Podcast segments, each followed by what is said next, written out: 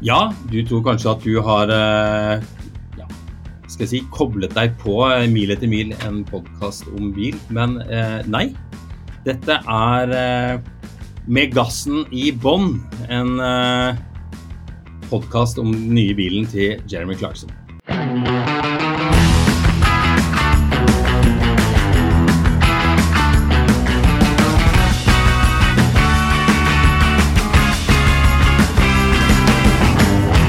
Marius, du sitter i, eh, i fjellet, må vi vel kunne si.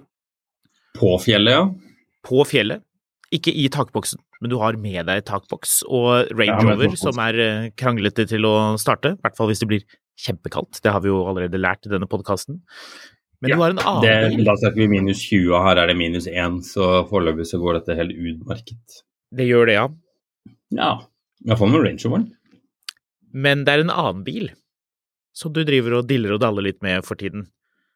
Ja, eh, det, det, det skal si, det, det er en del lyttere som har hengt seg litt vel mye opp i hvor mange biler jeg har. Uh, Ja, moren min gjorde også det. det, men det er jo greit nok. Har Altså, han så mange biler? Ja, det det har jeg jo solgt ennå, da. Ja, hvor mange er det du har nå? La oss ta en, liten, eh, en kjapp liten recap. Det er elleve biler, ja, bare. Du har den Ja. Caddien fremdeles også? Ja, det har jeg. Riktig.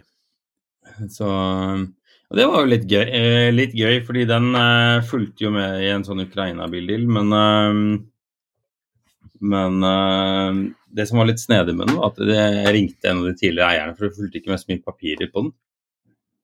Og hun dama bare sånn Hæ? Jeg hadde jo med to permer når jeg solgte bilen. Så ja da. Ja, rett før jeg solgte den for to år siden, da, da brukte jeg 40 000 på den, jeg. Da bytta jeg kløtsj og registerreim og fandens oldemor og alt mulig annet rart. Mm.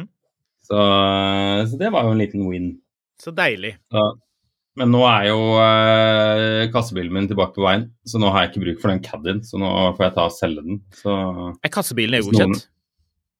eh, Nei, men den skal på EU-kontroll nå, men jeg har bytta den der eh, tingen som gjorde at den ikke vil bli EU-godkjent. Så Ja. da er det ut å gå. Perfekt. Men det er en annen bil. Det er en bil vi så vidt har hørt om. Vi prater ikke så veldig mye Ja, om annet enn at eh, jeg skulle gjøre narr av eh, størrelsen på motoren. Men jeg syns det er litt fascinerende hvor, hvor sjokkert folk blir av at man har mer enn en vanlig to bil, to garasjers husholdning. Jeg tror jeg er mest sjokkert over at uh, din kone er så grei. Ja, Det påvirker jo ikke henne på noen måte der. At du har elleve biler. Ja, det har jeg ikke inntrykk av. Så Men, øhm, men Nei. Så hvis du er Håkon, hvis du er keen på en Caddy Maxi med firehjulstrekk, så jeg, skal jeg gi deg en god deal. Så Er ikke de ganske dyre, egentlig? Skal ikke du ha litt penger for den bilen? jeg vet ikke. Jeg får vel finne ut av hva, hva den er verdt.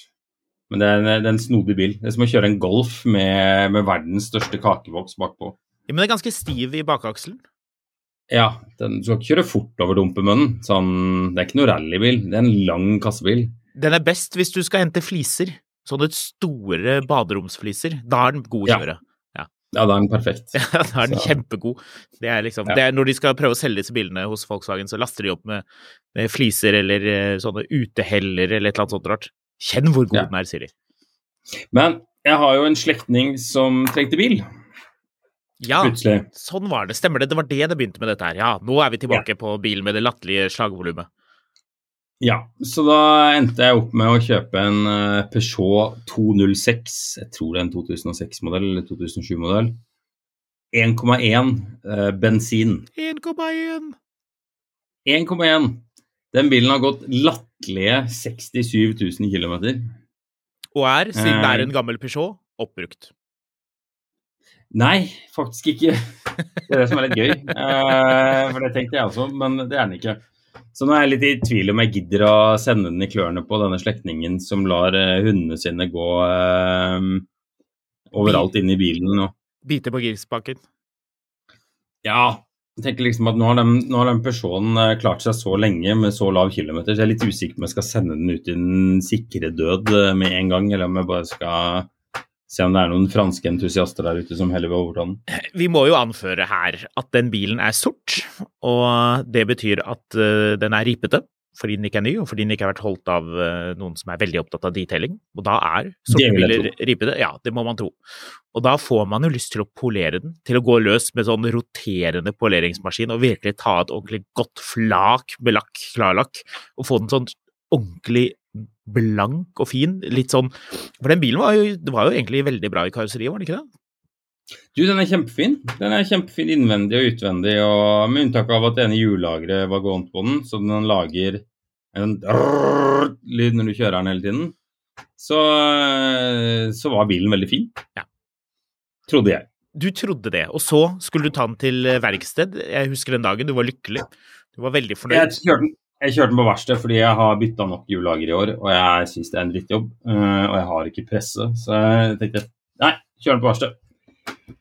Leverte den på verkstedet hos noen øh, utmerkede mekanikere jeg bruker, men som ikke snakker flytende norsk. Så han ringte meg bare Yes, yes, we have, we have your Peugeot.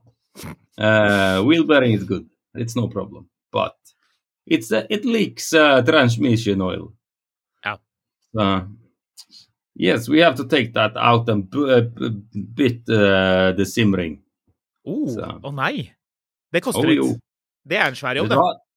Eh, ja, på en, på en Range Rover eh, TDB8 så er det en enorm jobb. Ja, da, da blir det ikke sommerferie i år. Nei. Nei. Eh, her koster det 2750 kroner. For å bytte simring. Bytte simring på girkassa og girolje. Det er helt konge, da. Egentlig burde jeg tatt uh, den søte lille pandaen dit, kanskje. Definitivt. Altså, jeg ble helt sånn Jeg ble helt lattermild når han sa hva det kosta. Ja, det er jo helt Så og til slutt så hadde jeg tydeligvis fått litt mer rabatt, for jeg betalte 4560 kroner for å bytte hjullager foran og, og bytte olje og simring på girkassa. Ja, det er komisk billig. Så det, det er jo noen sjarmfaktorer med å ha den. Og så fikk jeg levert den andre nøkkelen på døra i mellomtida. Og den bilen har elektriske vinduer foran. Den har setevarme. Ja, det er det den har. det er det den har, ja. Men den har altså fjernkontrollnøkkel. Oh, luksus. Oh. Hvor gammel var den? Ja, du, den, du sentrallås. Pump to break, det er, jo, det er jo 2006, den billigste Peugeoten du fikk. Nei, det var en som var enda mindre, og 1.0 Nei, ja, du hadde den Jeg er litt usikker. De lagde den derre som het 107? 106, 107? Et eller annet sånt. 106 er eldre. Ja. Ja. Så den som, den som var en sånn Citroën C2, ja. Konkurrent? Riktig. Ja, eller søsterproduksjon riktig. Ja, den var enda billigere. Men det, vi, vi er jo da Vi snakker eh, Hvor gammel er den bilen? Åtte år?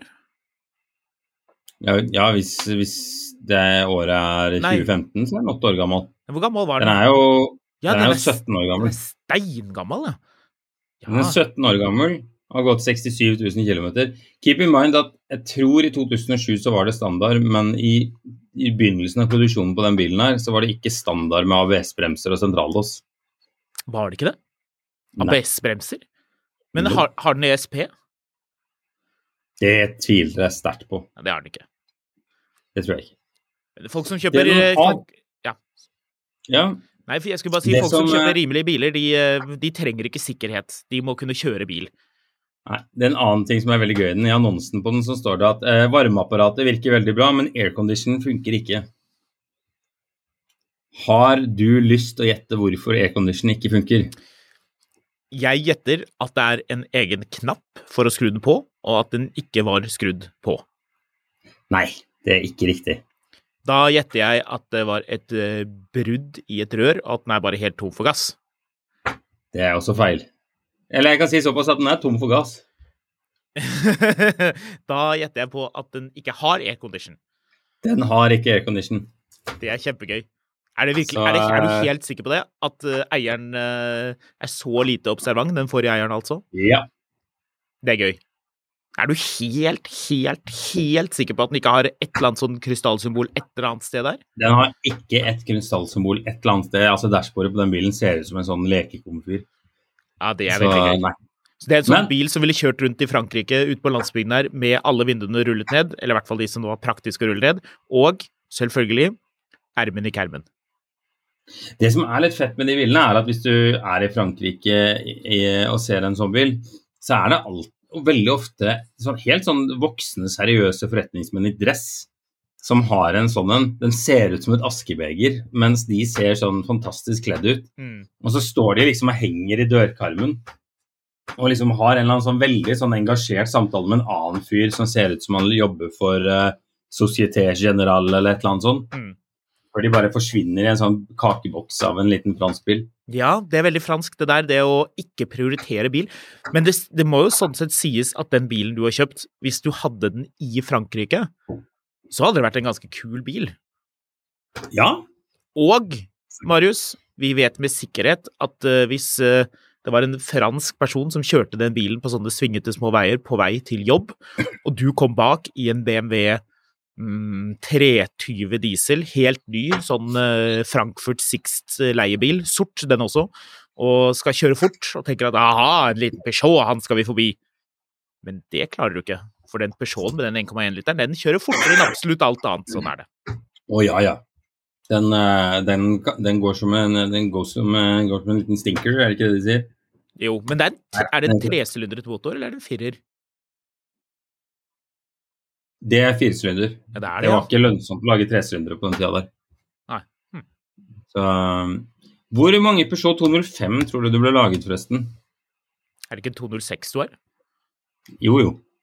Men Nå snakker vi om 205. Ja. Jeg tipper ganske mange. Fem millioner. Fem millioner! Ja. Fem millioner 205-er. Og hvor mange 206? Ja, det det jeg prøver å finne ut av. Det var ikke så lett. Har ikke Wikipedia de tallene? Ser ikke sånn ut. Virkelig? Er det, var det så vanskelig å finne? Må jeg sjekke. Eh, skal vi se Production Production RC. Nei, den skal vi vekk fra. Det er 4000 RC. Det var ikke den vi skulle finne ut av.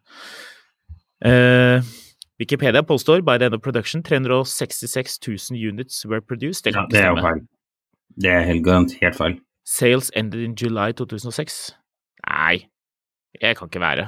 Var byttet de modellbetegnelse i 207 ganske fort, eller? De lagde den fra 1998 til eh, Så lagde de en facelift fra 2008. Og den helt 2000, 207 må den ha gjort, da. Ja. Så man må egentlig se sammen 206 og 207-tallene. Mm. Toyota Nei, Toyota. Peugeot 206 er den bestselgende Peugeot-modellen gjennom tidene. Er det det? 8,3 millioner solgte biler. Men man skjønner det jo litt, for det er jo en ganske sjarmerende bil. Ja, eh, det syns jo iranerne også, for de lager den fremdeles. Ja, de gjør det, ja. Jepp. Heter den Peugeot der borte? Eh, Da lages den av Ikko. Iran Kodro, brandes as Ikko, er en iransk bilprodusent eh, med hovedkvarter i Teheran. Ja, uansett. Ja, nei, det er en sjarmerende bil. Um, den er ikke sjarmerende nok til at jeg kommer til å beholde den, for jeg syns jeg har andre mer sjarmerende biler, og nå går det jo mot vår. Åh, endelig! Hva betyr det? Det betyr at Porsche og Jaguar skal ut av garasjen. Så øh, jeg tror ikke jeg beholder den Peugeoten, men jeg har ikke noe lyst til å gi den til noen som kommer til å behandle den som en gammel søppelpose heller. Så det um, Hundepose, mener en du? annen bil. Hæ? Hundepose, mener du? Ja, litt. Så ja. Yes. Du, øhm, jeg fikk jo litt dårlig samvittighet for vår venn med, med XF Sportbreak, som vi snakket om i går. Ja, han harva det jo greit over. Ja, jeg har jo ikke greit over han, men jeg sa at den eh, bilen kan han bare ha resten av livet og eh, gjennom sine barns liv, fordi eh, den blir dyr å selge. Ja. Eh, det står jeg for, men jeg tror jeg jeg tror jeg glemte å poengtere at jeg, jeg liker den bilen kjempegodt. Såpass godt at jeg har jo sendt deg linker på, på de på Finn med jevne mellomrom og lurt på om jeg kanskje skulle bytte ut Volvoen i en XF. Ja. Det har jo jeg selvfølgelig sagt nei til, for det er jo ikke noe Hvorfor har du sagt nei til det? Nei, den motoren er jo ikke noe særlig. Det er ikke noe å ha. Nei, Den er vel helt grei. Du vil jo, hel- du vil jo helst ha en V6 diesel. Ja eh, Jeg tenkte på å ha som bil nummer to. Jeg. Men jeg, jeg tenkte jo litt eldre XF-en enn uh, XF-en vår uh, iallfall tidligere venn har. Men, tidligere. Du, men du glemmer en ypperlig kandidat her. En stasjonsvognkusine som um, også seiler opp som et interessant uh, forslag. Den kan du få med firehjulsdrift og V6 bensin. Mm. Ford Mondeo. Ford Mondeo forkledd som Jaguar. Helt riktig. Ja. Hvis du skal snakke om X, er det X-type du mener nå? Yes. Sitter du og drikker sjokolademelk? Jeg sitter og drikker sjokolademelk. Hvorfor i all verden gjør du det? Var du på fylla? Fordi det er godt. Nei, eh, det har mest å gjøre med at jeg var dum nok til å ta med barn i butikken. Riktig. Min datter var helt insisterende på at hun måtte ha sjokolademelk. Så er jo spørsmålet måtte hun ha det når vi kom hjem. Nei. Nei. Måtte du ha så det? Så da blir det jeg som drikker sjokolademelk. Ja. Jeg syns det er godt. Det er ganske deilig. De holder seg veldig så. lenge. Så du kan spare den. Du kan ta én slurk i uken, og så går det fint. Ja, det er ikke et godt tegn, egentlig. Nei, egentlig ikke. Men jeg ser jo et raust glass der uh, du sitter på hytta. Jeg sitter med en, med en såkalt seidel. Er det det det der er? Sånne glass som du kan, uh, du kan banke i bakhuet på noen, og så knuser det ikke. Så det er trygt. Sånn, sånn, stort ølglass med hank, det heter en seidel. Du, er ikke det, er ikke det et sånt tuningmerke som man er ganske opptatt av? Jeg trodde du skulle si øl, for det er i hvert fall øl. Uh, skal vi se Jo da. Uh, du er jo ikke så langt unna Trondheimstraktene, og der sier man ikke seidel, der sier man seidel. Men uh, seidel, seidel, ja, det er gromt. Det er et tuningmerke. Seideltuning.de kan jeg lure meg inn på Oi! Det, det, det, må du nesten bare gjøre, Marius. For når du kommer inn på Seidel Tuning sin hjemmeside, så er det litt som å spole tilbake, jeg vil si 15 år i tid. Syns du rett og slett skal unne deg å gå inn på seidel-tuning.de og ta en rask liten kikk. Han som driver dette her, heter eh, Christian Seidel Herzlich velkommen. Seideltuning.de. Mm. Hvor mye spraybokser? Uh, er det det? Det er en, uh, det er en Mercedes C-klasse som ser veldig Å ja, uten, uh, uten, uten, E, ja. Ja ja, bare Seidl. Ja, se her, ja. Ja, det her var grelle saker. Her meine neueste kreasjon. Audi Q7. Oi, den så veldig tunet ut. Dette er litt sånn gatebilaktig. Så, hva er det heter? Er det, er det ABT? Apt, ja. Ja. Det så litt sånn ut. Nei, nei, dette her er mer Dette er, mer, dette er litt mer uh, jalla. Det, uh, det, ser ut som han også driver med jeg... Du, ta Skroll litt ned på siden her, så ser du et veldig Du har funnet bordet hans? ja, han driver med det jo. Og sånn sofa som du kan Han har sånne tepper som kan ha dyrene sine gående rundt i sofaen. Det er iallfall bilde av en katt her. Da er jeg ganske fornøyd. Ser du det? Den var veldig vanskelig å få øye på, men eh, helt borterst der så er den. Det er jo en ordentlig stygg sofa, og sånn bord som, som Det var populært en tur en, en, tid å lage sånn bord med treplater, og så skulle du smelte noe sånn blått skvip i midten, og så skulle du polere det, og så syns man det så veldig fint ut. Det driver han tydeligvis med. Jeg kan si at han har eh, han har tunet litt eh, transporterbuss. Det har han? Og det så ikke noe bra ut. Kan vi kanskje mistenke at dette firmaet ikke driver mer? Det så litt Det ser iallfall ikke ut som de har oppdatert hjemmesiden sin siden starten av 2000-tallet. Siden, siden, hjemmesidenes begynnelse, tror jeg vi eh, må si Men jeg skal raskt rykke inn på finn.no og se om jeg finner noe seidel finner, Hvis du søker på seidel, så finner du masse glass, ser jeg nå, så du har rett. De ligner ikke veldig på det glasset du holdt i hånden, men ganske. Men det er litt rart òg, for nå skrev jeg det uten E, men det er kanskje slik det staves. Hvorfor er det ikke noe på bil? Skal vi se, Er det ingen biler med Seidel-tuning ute på finn.no? Det ser ikke ut som det er. Nei. Skal vi se, da. Ja, ja. Uansett, nok, eh, nok skittuning fra Tyskland. Ja, det var Jaguar vi snakket om. Ja, eh, du sendte meg jo en uh, reel i går hvor uh, Har du sett den siste greia til Clarkson Hammond? Uh, Sandjob? Nei. nei. Artig navn, selvfølgelig. Eh, nei, Ja, jeg har ikke sett det. Har du sett den? Er den ute i det hele tatt? Den er ute, jeg har ikke sett den. De, har en, de kjører jo rundt i ørkenen i en Det går F-Type, Aston Martin DB9 og en masse rart i Gran Cabrio, er det ikke? den heter for noe? Hæ? Gran Cabrio. Ja. Eh, og så gjør eh, Clarkson et Hvem er det som har den beste bilen? Vel Før du kommer til det, eh, vi kan jo bare ta Mm. for oss i tatt fall noen har lyst til å se dette her. Eh, Det er jo da den nyeste episoden av The Grand Tour, som vi var inne på. Eh, Det, det står beskrevet. Skal jeg bare lese opp hva den handler om, slik at folk kan vurdere å la seg friste?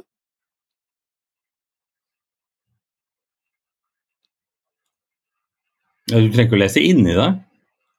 Nei, jeg hørte ikke Du sa ikke ja, så da Jeg ser i kamera nå, mann. Ja, men jeg kan Jeg ikke se i her- og Jeg satt oppe. drømmende i sånn Du vet sånn eh, når de fuglene i uh, i uh, Askepott sitter og drømmer og ser på uh, mens de lager jeg tror det er en kjole eller hva det er for noe. Jeg satt sånn, du så det ikke, så nå sitter jeg her og venter istedenfor at du skal lese hva handjob, nei, handjob handler om. Nettopp. Jeg tror det var veldig planlagt med det navnet. Litt, uh, er det litt lavpånd? Nei, jeg vet ikke. Nei da. Artig nok. Um, in the remote African country of uh, Mauritania, the trio follows in the footsteps of the legendary Paris Dakar Rally. Instead of bespoke Dakar racers, the boy must complete their journey in cheap modified sports cars. Legg merke til ordet cheap, Marius. Mhm. Er noen av disse bilene det minste cheap?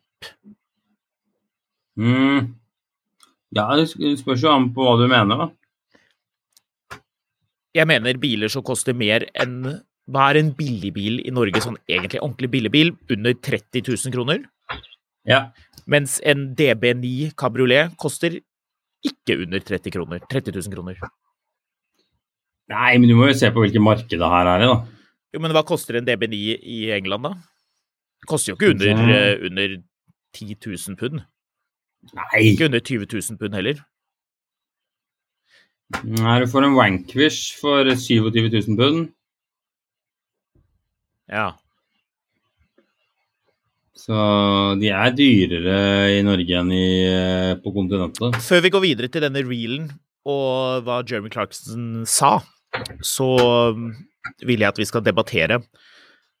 Er det så gøy når de kjører og ødelegger biler som vi sitter og drømmer om? Alle disse bilene er jo dritfette, altså Maserati Gran Cabrio er nok en potensielt fremtidig klassiker med den, den V8-motoren og den lyden. Er det ikke gøyere når de ødelegger biler som, som ikke er verdt noe? Altså, er det ikke sånn at du litt tenker hadde det ikke vært gøyere om de tok med de tre bilene, og så tok de pengene og donerte til liksom krigen i Ukraina eller whatever, og så kjørte de noen biler som var helt komisk billige? Hadde ikke det vært stiligere? Jeg er ikke så veldig imponert over at rike folk ødelegger dyre biler. Det blir litt sånn slap in the face, gjør det ikke det? Ah, Er det så fett? det ganske- Jeg vet ikke. Du kan, hva skulle de kjørt for noe, da? Hvis de skulle være, passe inn i den der eh, prisklassen din? Nei, altså Da de kjørte i Midtøsten, så hadde de jo en BMW Z3 med Ja. den fæle 1,6-literen. De hadde en Beata og en, en Fiat uh, Barchetta.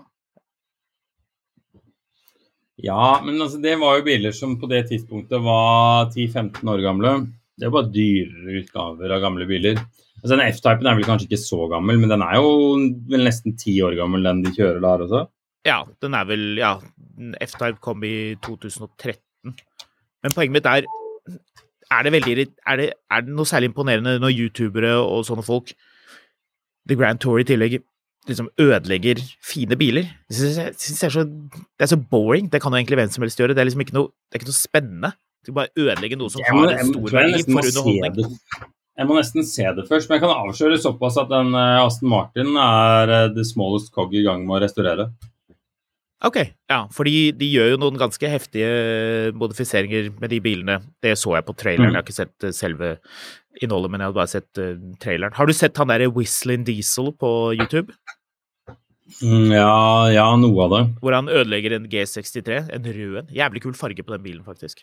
Ja, den eh, er ikke så fan av det greiene der. Ja, han ødelegger en Tesla Model 3. Jeg bare eh, ødelegge biler som er verdt masse penger for å få eh, hits og views, det er ikke så veldig stilig. Mm.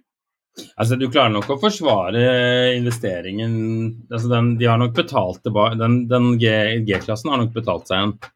Men jeg er enig i at det er litt sånn tøyste. Ja, det er litt nasty. Det er liksom ikke så veldig Ja. lekkert.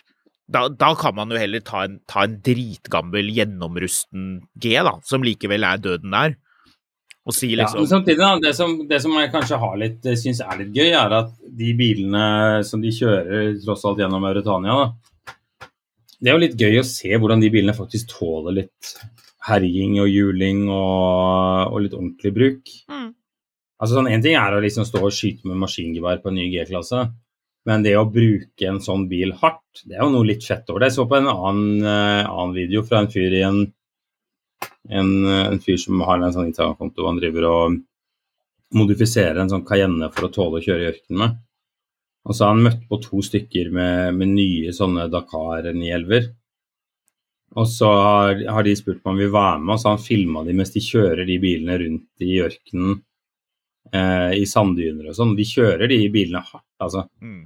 Så er det en del av meg som tenker at det ser jo, ser jo fett ut. Og det, det er jo noe fett over at man, at man kjøper en 911 som er litt hevet og laget for å kjøre i, i ørkenen, og faktisk gjør det.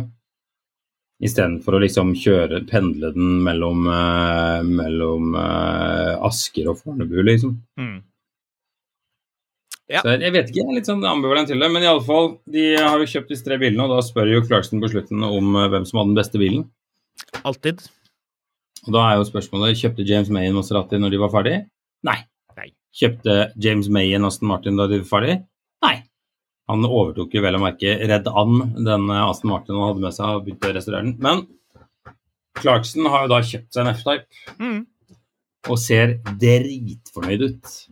Han gjør det. Og kanskje det mest interessante med dette her Hørte du mm. på klippet hvilken F-type det var han kjørte? Nei. Jeg måtte ha på litt lav lyd, for jeg hadde egentlig lagt meg. Ja, ja. Jeg er rimelig sikker på at jeg hørte at det var en eh, V6-bensin, ikke V8, som man skulle tro at eh, han ville valgt. Det er mulig jeg tar feil, men jeg er ganske sikker på det. Og det er jo litt i bilmiljøet, i og med at Jaguar F-Type er en av ganske få Jaguar-modeller som har lurt seg inn i liksom the car scene. En- den har litt respekt. Det er en sportsbil som på en måte gjør noe mer enn de gamle Jaguarene. Så den, den, den har litt å gjøre i sånne car meets, og det kan godt være at det er sånn, ikke sånn gubbete typer med tweed-jakker som uh, eier de bilene. Og da, de lærde strides, uh, er det greit med V6, eller må man ha V8? Du skal ha firesylinder. Uff, ja. Den hadde jeg glemt. Ja, den bare ser vi vekk fra. Det var ikke noe Jeg særlig skal si. Nei, jeg skal si eh, at eh, Gud bedre, det er en eh, Jeg, jeg syns jo F-Type er en sinnssykt kul bil. Det er en av mine absolutte favorittbiler. Eh, og så slår det meg nå at det designet er ti år gammelt. Og det ser fortsatt dødsbra ut. Mm. It's that time of the year. Your vacation is coming up. You can already hear the beach waves, feel the warm breeze, relax, and think about work. You really, really want it all to work out while you're away. Monday.com gives you and the team that peace of mind. When all work is on one platform and everyone's in sync, things just flow wherever you are. Tap the banner to go to Monday.com. Many of us have those stubborn pounds that seem impossible to lose, no matter how good we eat or how hard we work out. My solution is PlushCare. PlushCare is a leading telehealth provider with doctors who are there for you day and night to partner with you in your weight loss journey. They can prescribe FDA-approved weight loss medications like Wagovi and Zepbound for those who qualify. Plus, they accept most insurance plans. To get started, visit plushcare.com slash weight loss. That's plushcare.com slash weight loss.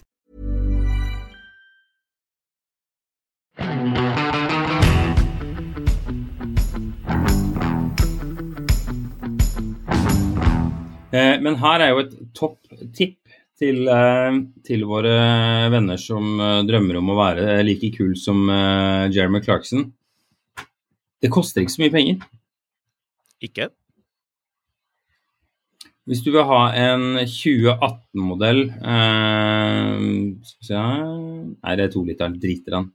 Eh, hvis du vil ha en 2015-modell, gått eh, rause 40 000 km Mm.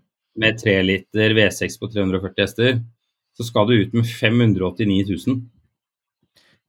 Hva koster en tilsvarende 911, hvis det i det hele tatt finnes en tilsvarende 911? 2015-modell 911. Skal vi se Hva koster det? Altså, det er jo litt sånn, det er jo litt sånn lumpen sammenligning, fordi 911 er jo så innmari seriøs. Det som er fett med, med F-typen, er jo at den er så, så rampete og tøysete, hele bilen. Mm. Skal vi se 2015, da. Til 2016. Ja, det koster det dobbelte. Det gjør det. Ja. Hvis Men- du skal ha en uh, Den inn igjen, det. Ja. Hvis du skal ha en øh, Ja, du kan få en med dobbelt så høy kilometer for 300 000 mer. Ja. Um, ellers så er det ca. millionen det koster. Bengtsson Marin, Bengtsson Automarin, har en, uh, har en blå 991 til salgs. Mm. Uh, som de har tatt bilder av med skistativ på, og ski på bakluka. Det er litt fett. Ja, det ser dritkult Det er godt tenkt. Ta Send meg den annonsen, så jeg kan ta en liten kikk. Ja, det så, det så ordentlig artig ut. Eh, Men du, det er en gøy diskusjon. 911 eller F-type? La oss eh, bore litt grann i det. Du har jo siklet litt på 911 mm, i det siste, og sett meg noen 97-annonser. Hvorfor ikke bare Mhm. få en utrolig mye nyere bil ved å kjøpe en eh, Jaguar F-type? Det er et godt spørsmål. Et av et, det korte svaret for min del eh, er ganske kjedelig. Ja. F-typen har ikke baksete. Nei, det har den ikke. Det er sant. Det er eh, Det er merkelig. Altså, det er jo litt interessant med F-typen, for på undersiden så vet vi at det er mye Jaguar XK 150 som bilen heter internt. Altså ikke den gamle eh, XK 150, men den som kom i 2006 som Mhm. hadde en 4,2 liter V8. Det er, den bilen bygger jo på det, men og det, og det er litt sånn artig, egentlig, fordi Jaguar hadde ganske godt grep om det Mercedes SL-markedet i USA. De som vil ha en bil som er litt sportslig, og som eh, kan brukes på golfbanen, ganske praktisk. Kupé og kabriolet. eh, To pluss to. Og til og med litt sånn at Mhm. Mercedes og BMW tror jeg spesielt var litt, eh, litt irritert over at de hadde så godt grep. De eh, hadde jo sine konkurrenter 6-serie og etter hvert 8-serie og, og SL primært, da, som var eh, dyre biler. Jaguaren var rimeligere, men den, du så stylish ut når du durte rundt i en um, Jaguar XK.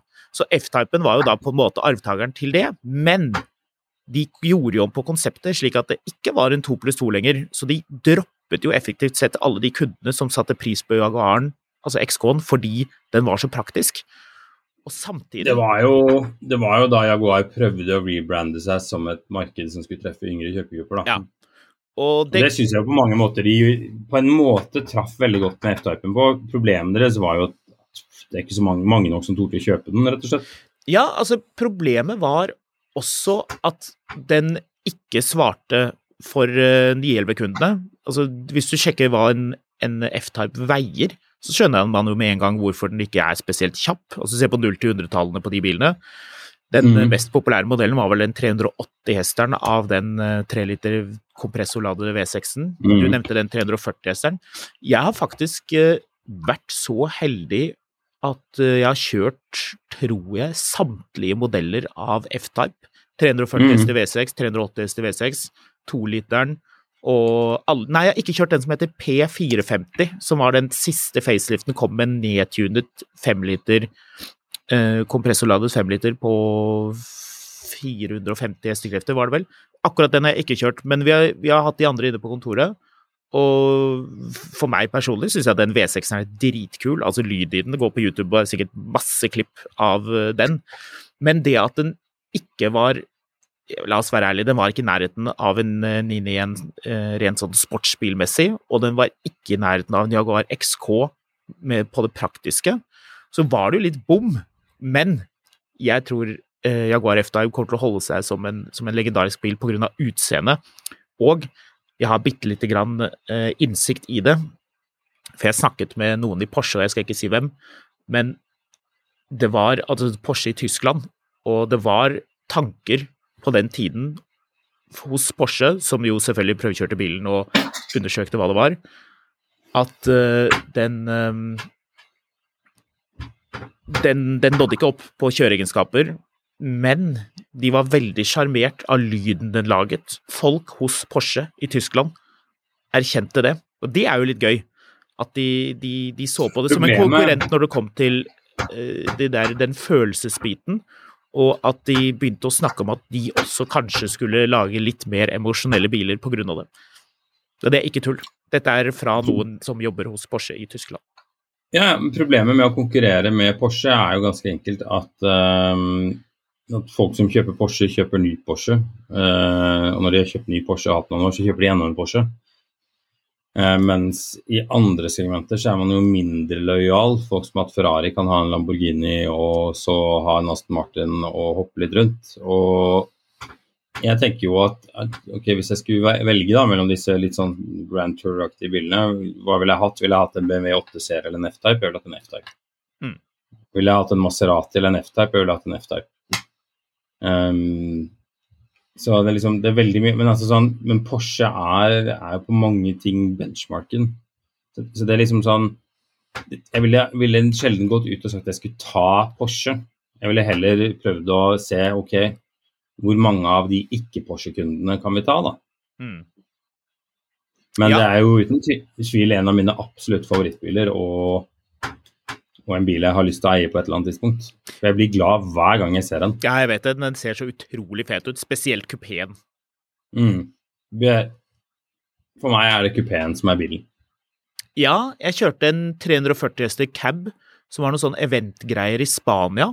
Og den var ganske sånn standardutstyraktig. Den hadde ikke noe sånn veldig påkostet interiør, det har jo alltid pressebilen i Norge.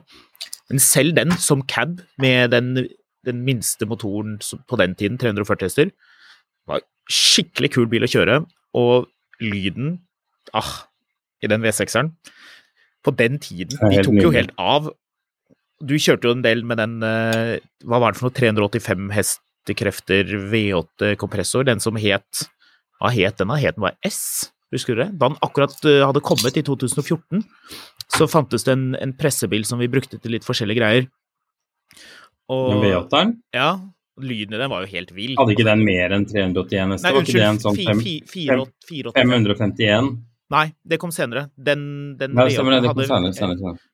Om det er nøyaktig 485, husker jeg ikke, men det er noe der ja, Den bilen var, helt magisk. Ja, den lyden var helt sinnssyk. Du, du, du, ga bare litt gass, så, så, så liksom sprakte det i pottene. Det var ja, ja. dritkult. Ja, ja. Det er en veldig kul bil, altså. Og så fikk den bilen litt kritikk for å være for loud. Både V6-en og V8-en gjorde det. Og du hadde den, den sportseksosknappen. Uh, og det var en del som, som syntes at det var litt heftig, og de roet jo ned eksosen voldsomt. Hvis du kjører en av de siste nå, nå er jo produksjonen på den straks ferdig, hvis den ikke allerede er avsluttet. Men de, de, det var jo også pga. EU-reglementet at de gjorde bilene mye, mye lavere. Men mm. på de tidlige modellene, som, som, har skikkelig mye lyd fra fabrikk, så, så går det an å kjøre bilen Altså, jeg er enig i at det er ganske mye lyd, uvanlig mye lyd til å være en sånn produsent som Jaguar, som også lager fornuftige biler, men altså mye mer lyd enn, enn i en BMW. Mer lyd enn i en AMG med original eksos, altså en 4 liter eller 6,2 eh, liter. Men mm. hvis, du, hvis, du, ikke gir veldig mye gass, og det er så mye dreiemenn til den motoren at det trenger du ikke å gjøre hvis ikke du vil, men hvis du bare pusekjører den, så lager den ikke noe særlig mye lyd. Men um, en god del lyd, ja, det er det. Ikke en bil å ta med i en begravelse hvis det er en skikkelig trist begravelse. Nei. Du, vi må videre fra, fra um, Jaguar. Selv om jeg regner med at, jeg regner med at tittelen på denne episoden her blir eh, 'Derfor har Jeremy Clarkson kjøpt riktig bil'. Ja, det er bra. Det Så du, vi har, vi har eh, noen små poster til på dagens eh, program. Eh, Det ene er en oppdatering på denne BMW I20-en som vi har snakket om tidligere. Jeg har en eh, lytter som tar kontakt hele tiden, for han er så sjukt keen på å kjøpe seg en eh, I20 og har fått noen ganske heftige dealer på den. Eh, Som er keen på å kjøpe. Keen på å kjøpe. Det er gøy, for vi har jo også en lytter som er keen på å selge. Ja. Kan ikke du, har du den oppdateringen på hvordan det der har gått? Jeg har det. Det er uh, vår uh, faste lytter, Jens Gisle, som har en uh, BMW Y7 som han jo eh, havnet inn i Skal du si navnet hans? Jeg kan ikke det? Jeg håper det. Er det hemmelig hva han heter? Nei, jeg vet ikke. Jeg tror han har sagt tidligere at han helst ikke ville at du skulle si navnet hans. Eh, Kan, eh, kan Lars lage sånn beep når jeg sier det? Vi satser på at produsenten kan eh, si beep eh, på akkurat der navnet hans er. Riktig. Det er veldig forvirrende. Folk må, folk må understreke at de ikke vil at vi skal si navnet. Nå sa jeg bare fornavnet, da. Eh, Ja, men, eh, men, men det, det dobbeltnavnet og en issue, det, det klarer folk å koble. Altså. Ja, kanskje de gjør det. Ja, OK, da er, Ja. da er det litt hemmelig, men greit. Det, det gjør det bare litt mer mystisk. Uansett, jeg fikk en melding på Instagram, og her står det da følgende. Hørte på podkasten i dag mens jeg måkte snø og hørte oppfordringen til å oppdatere på I7-en. Den kjøres fremdeles daglig som dagligbruksspill og kjøres til fra jobb og parkeres i parkeringshus i Oslo sentrum med barnesete i baksetet, så ingen får brukt kongeplassen. Beste innbyttepris jeg har fått, er vel rett under 1,1 mill. Ønsker å bytte til en mer praktisk SUV, men vanskelig å se hva jeg kan bytte til som ikke vil være en nedgradering i komfort. Kom gjerne med noen forslag til innbytte pluss 200 000 eller lignende. Å bytte nedover er ikke mulig i dagens marked. Rekkevidde er vel 595 km VLTP, og som vanlig for elbiler er rekkevidden milevis under det ved småkjøring og kjøring om vinteren opp til hytten, står det her. Interessant. Ser forresten at brukt I5 er rimelig nærme brukt I7, som er ett år eldre. Ja, det stemmer nok. Så det er jo snedig. Ehm, jeg ehm, Ja. eh, vår eh, vår eh, lyttervenn har fått tilbud på et par I7-er, og, ehm, og han har fått lavere priser enn de de innbytterprisene han her har fått. Ja. Så Det kommenterte jeg også på til denne lytteren som eier eh, I7, og det er et slags sånn prisverdivurdering med innbytte, så det er ikke et cash offer. Og i likhet med deg, Marius, så har jeg også hørt om andre som har fått I7 med veldig lav kilometerstand og ekstremt uh, mye utstyr for uh, ganske godt under den prisen, så de, de trader på lavere priser enn det. Jeg må jo si at I7 som bruktbilkjøp må jo være en eh, veldig bra deal om dagen. Tenk deg å sette seg en I7 og kjøre ned til Alpene, for eksempel. Hvor utrolig fet, ser du ikke, når du kommer skliende inn med det 5,4 meter lange, 544 hestekrefters skipet i en eller annen sånn alpeby. hadde du tort å kjøpe en sånn en for en mill? Ja. Ja. Hadde du kjøpt eh, en, eh, en I7 eller en I5 hvis de kosta det samme? Altså, det er ikke noen, at det, det er ikke noen tvil. I7 hver gang.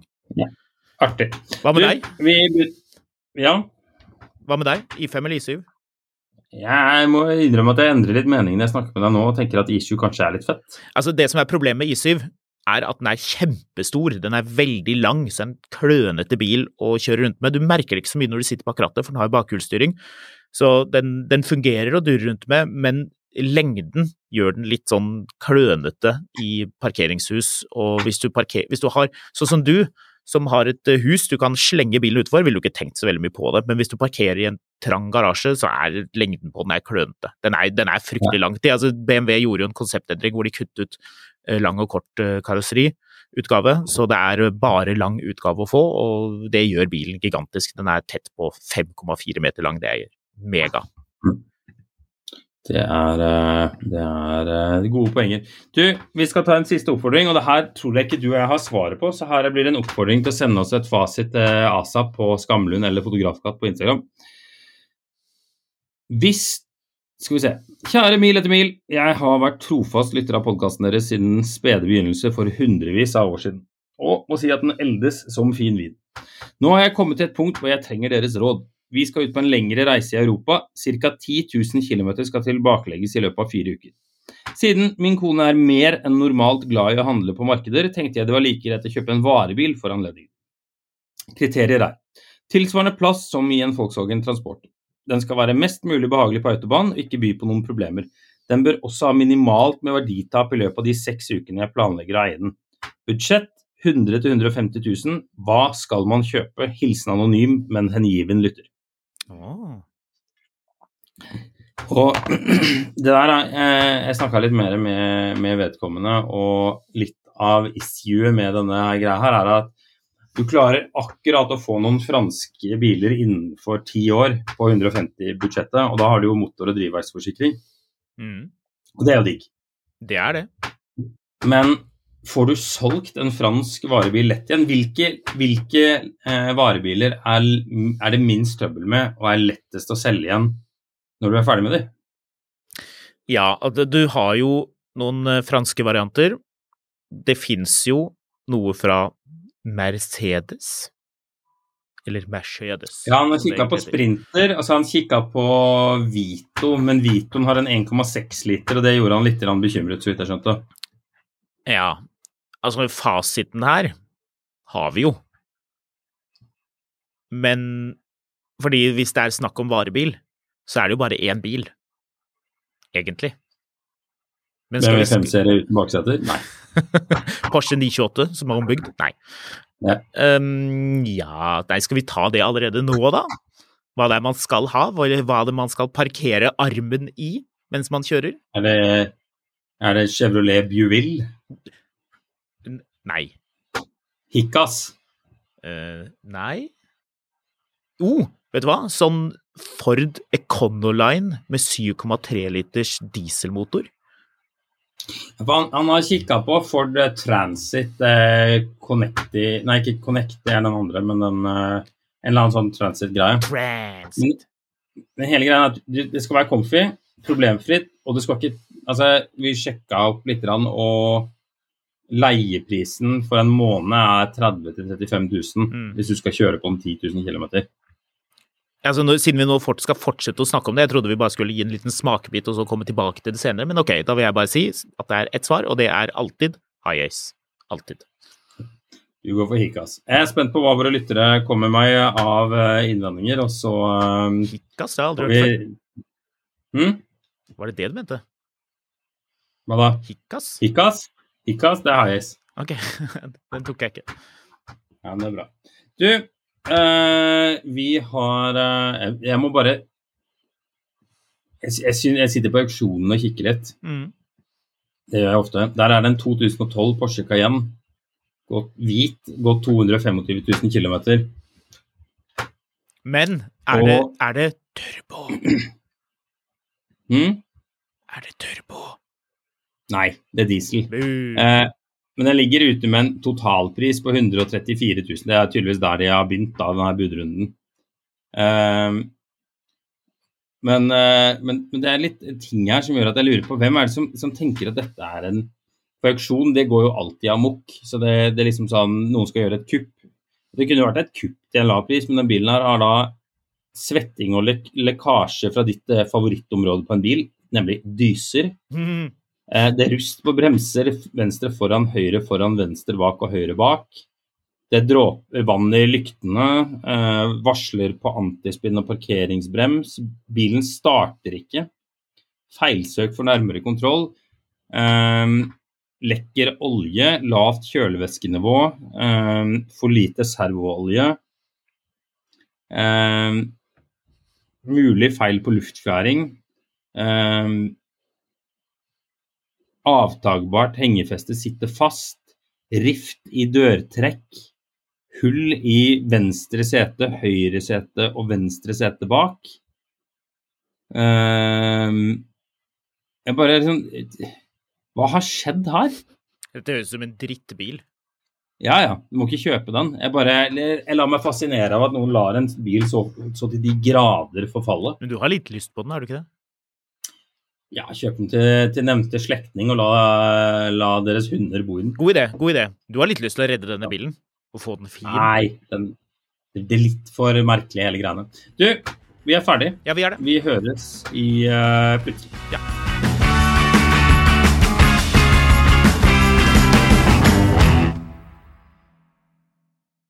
Mil etter mil, en podkast om bil, er en podkast fra Finansavisen. Programledere er Håkon Sæbø og David Kordal Andersen. Produsent er Lars Brenden Skram. Og ansvarlig redaktør er Trygve Hegnar.